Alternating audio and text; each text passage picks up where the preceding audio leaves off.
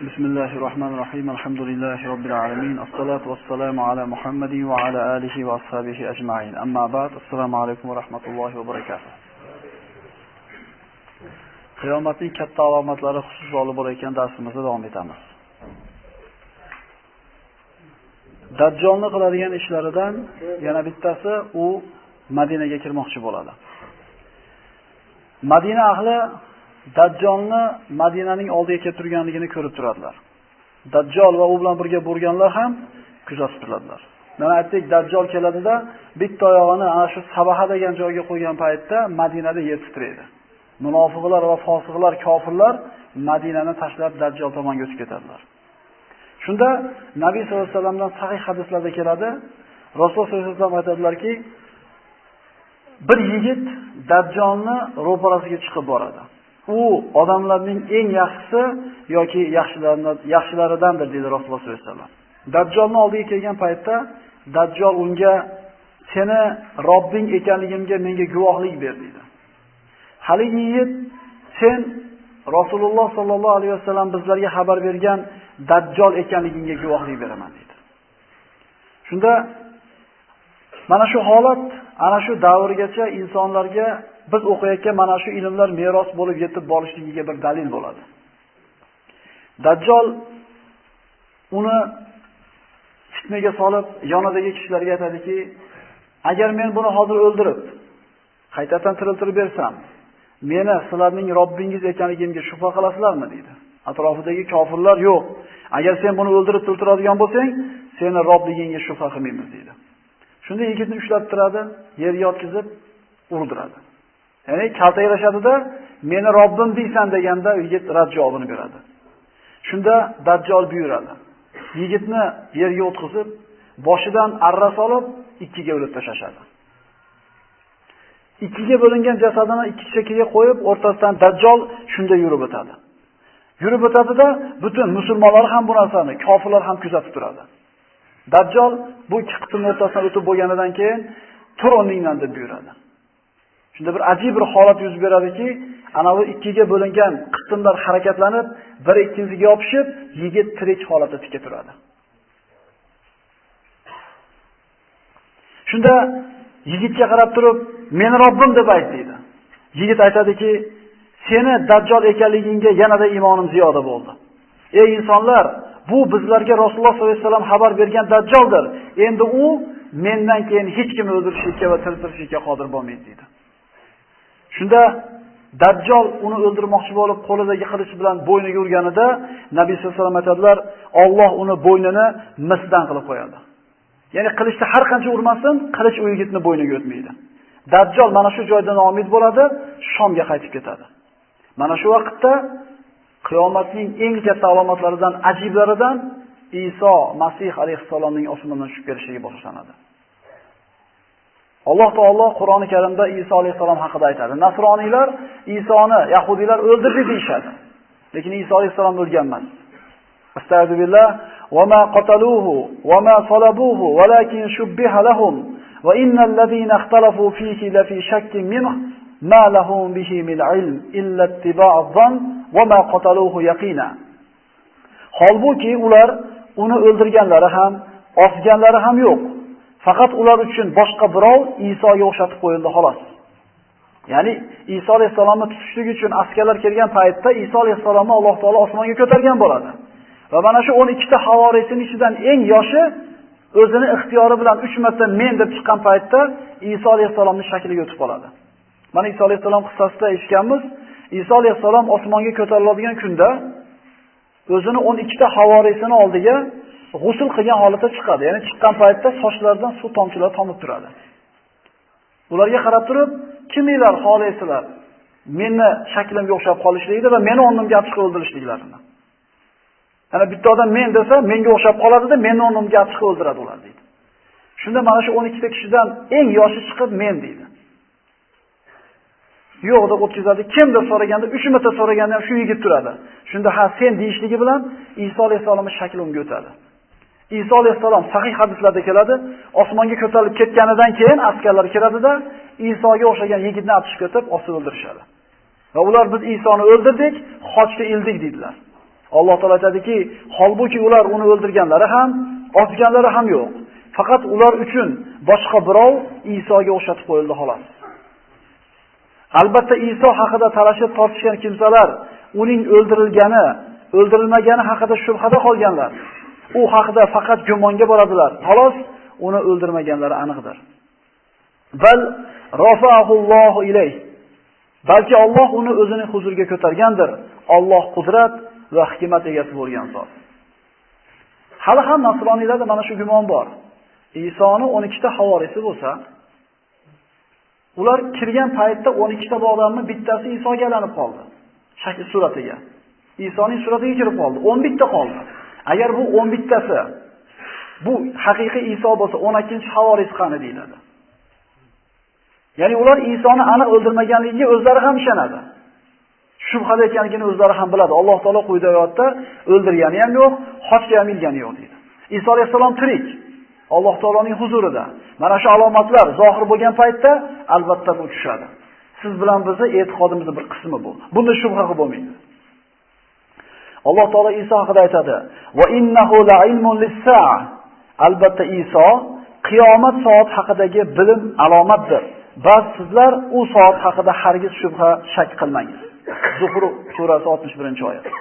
Boshqa oyatda Alloh taolo aytadi: "Va in min ahlil al-kitabi illa la yu'minanna bihi qabla mawtih va yawmal qiyamati yakunu alayhim shahida." Har bir ahli kitob o'limi oldidan unga, ya'ni Isoga albatta iymon keltirur. Qiyomat kunida esa u bularning zarariga guvoh bo'lar. Demak, Iso alayhisolamning tushishligi haqida shubha qilib bo'lmaydi. Shubha qilgan odam mana shu oyatlar haqida shubha qilayotgan bo'ladi. Iymondan ajrab qoladi. Iso alayhisolam tushishligi haq. Alloh taoloning sarih oyatlari bilan sobit bo'lgan. Dajjal Shomga qarab ketdi. Sahih hadislarda keltiriladi, fitna avj olib turgan paytida. Dajjolning fitnasi avj olib turgan paytda Rasululloh sollallohu alayhi vasallam aytadilar, Damashqdagi masjidning sharqiy tomonidagi oq minora oldiga Iso ibn Maryam tushadi. Dajjal yer yuzi bo'ylab aylanib yurar ekan, so'ngra musulmonlar, Damashqda qolgan musulmonlar va ba'zi rivoyatlarda mana imomi Mahdi boshchiligidagi musulmonlar Damashqqa to'planib, qo'rg'onlarga berkinib, Dajjolga qarshi urushlikka tayyorgarlik ko'rib turishadi. Dajjol Madinadan qaytib Damashqqa boradi. Ana shu imom Mahdi boshchiligidagi rivoyatlarga ko'ra musulmonlar yashinib turgan qo'rg'onga o'zini askari bilan kelib urushlikka turadi. Musulmonlar tong otganda Dajjal va uni yordamchi bo'lgan yahudiylar bilan jang qilamiz deb tayyorlanib turar ekanlar, kechasi takbir aytib qolinadi. Shunda ular shunday qaraganlarida osmondan Iso alayhissalom tushib kelayotganligini ko'rishadi. Nabiy sollallohu alayhi vasallam Iso alayhissalom tushligini tasvirlab shunday aytadilar. Men va Iso oramizda nabiy bo'lmaydi. U albatta tushguvchidir. Uni ko'rsangiz taniysiz. O'rta bo'ylik, oq qizil yuzlik, ikki ko'ylak kiygan holda, boshi ho'l bo'lmasa ham sochlaridan suv tomgandek tushib keladi. Ya'ni daqiq va nozik joylargacha tushuntirib beryapti. Qachon tushadi? Musulmonlar Damashqdagi hollarida. Mana aytdik, hadisda Dajjal bilan birga Yahudilardan 70 mingtasi ergashadi deb aytdik. Bular mana shunday jangga tayyorgarlik ko'rib turgan paytda osmondan tushib keladi. Sahih hadislarda keladi, ular saf tortib tayyorgarlik ko'rib turgan paytda bomdod namozi vaqtida takbir aytilinadi. ularning imomi eng yaxshisi bo'ladi, mana Mahdi deb aytgan bo'ldik. Qiyomat qoyim bo'lgunicha ummatimdan bir toifasi haqda turib, Iso ibn Maryam tushunicha jang qiladilar. Ularning imomi tushganidan keyin Isoga keling bizga namozga o'ting deydi. Ya'ni Iso alayhisalom Damashqdagi katta masjidni sharqiy minorasini oldiga ikkita farishtaning qanotiga qo'lini qo'ygan holatda tushib keladi. Iso alayhisalomga imomga o'ting deganlarida Iso yo'q. Siz bir-birlaringizga amirsizlar. Allohning bu ummatga bergan ikromi deydi. Ya'ni Iso alayhisalom payg'ambar bo'lgan, ruhulloh bo'lgan Iso alayhisalom musulmonlarni imomini orqasidan ma'mun bo'lib namoz o'qiydi. Bu Alloh taolo ummati Muhammadiyaga bergan fazldir. Nabiy sollallohu alayhi vasallam Iso haqida aytadilar. Uning hidi xushbo'y bo'ladi. Uning hidini hidlagan har bir kofir o'ladi. Uning hidi ko'zi yetganchalik masofaga yetib boradi. Dajjal va kofirlar Iso alayhisalomni osmondan tushib kelayotganini ko'rganlarida orqalariga qarab qochib qoladilar. Iso ibn Maryam Dajjalni quvib Lut shahri oldiga borganda yetib boradi. Ba'zi rivoyatlarda Baytul Maqdisdagi Lut degan eshigini oldida deb aytilgan. Allohning dushmani Isoni ko'rishligi bilan xuddi tuz erigandek erishni boshlaydi. Rasululloh aytadilar, agar Iso uni o'ldirmasdan tek qo'yganida erib o'lib ketardi. Lekin Iso nayzani oladida erib bo'lguncha uni tanasiga urib, qonlar chiqaradi. Mana shu bilan u o'ladi. Nabiy sollallohu alayhi vasallam aytadilar. So'ngra Iso aytadi: "Alloh o'lmaydi, lekin bu o'ldi." Nima deganida? Men Allohman deb da'vo qilar edi bu. So'ngra bu fitna tugagandan keyin Dajjal fitnasini Iso alayhisalom nihoyasiga yetkazganidan keyin mana shu fitnaga uchrab sobit turgan mu'minlarga ro'baro bo'lib bu fitnaga uchragan kishilarning yuzlarini silaydi, ularga taskin beradi va ularning jannati ekanligini, jannatdagi darajalar haqida gapirib beradi. Dajjal fitnasi sobit turganlarga jannat bor. Iso alayhissalom yer yuzini hukm qilishlikni o'zini qo'liga oladi. Imom Buxoriy va Muslim sahihlarida keltirgan hadisda Rasululloh sollallohu alayhi vasallam aytadilar: "Jonim qo'lida bo'lgan zotga qasamki, Iso ibn Maryam sizning huzuringizga odil hakam bo'lib tushadi." Endi qiladigan ishlari xochni sindiradi. Ya'ni nasroniyni belgisi tugaydi. Ya'ni krestni yo'q qiladi. To'ng'izni o'ldiradi. Dajjolni o'ldiradi. hamda jizyani bekor qiladi. Mana shu to'rtta ish Iso alayhisalom qiladigan ishlar. Ya'ni jizya berib islom yurtida boshqa dinda yashagan kishilar jizya berib zimmiylar deyiladi, yashagan. Lekin Iso alayhisalom tushgandan keyin islomdan boshqa dinni yer yuzida qo'ymaymiz deb aytadi. Nabiy sollallohu alayhi vasallam aytadilar: "Isobatani min ummati ahrazahumullohu minan nar." Meni ummatimdan ikki toifa bandani, ikki toifa kishini Alloh taolo do'zaxdan saqladi. Ularning birinchisi Hindga g'azo qilgan jamoani, ya'ni Muhammad ibn al-Qosim ismli kishi 18 yoshli yigit Hindni birinchi marta fath qilgan amir bo'ladi.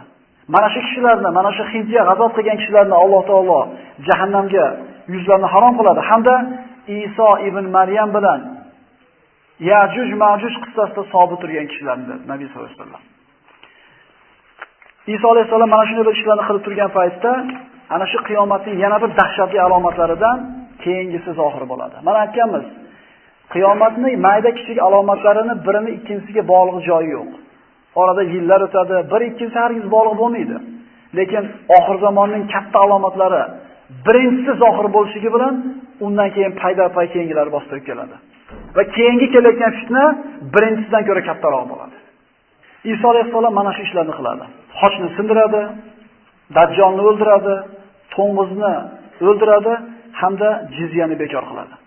Odamlarning orasida yaxshilik ziyoda bo'ladi. Mana shunday bir chiroyli holatda hayot davom etib ketayotgan paytda juda bir xatarli ishlarning biri boshlanadi. Iso alayhisalomga shunday vahiy keladi. Ularni yengishga hech kimning quvvati yetmaydigan bir qavmni Alloh yuborganligi haqida